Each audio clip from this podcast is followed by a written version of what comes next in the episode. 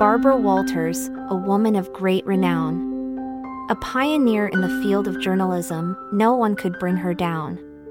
Her interviewing skills were second to none. She was a master at getting to the heart of the matter, a true journalism scion. With a career spanning decades, she paved the way for other women in the field every single day. She was a trailblazer and a role model too. Her influence on the industry, forever true. But now, alas, she has passed away, leaving behind a legacy to this very day. Barbara Walters, you will be missed. But your impact on the world forever persist.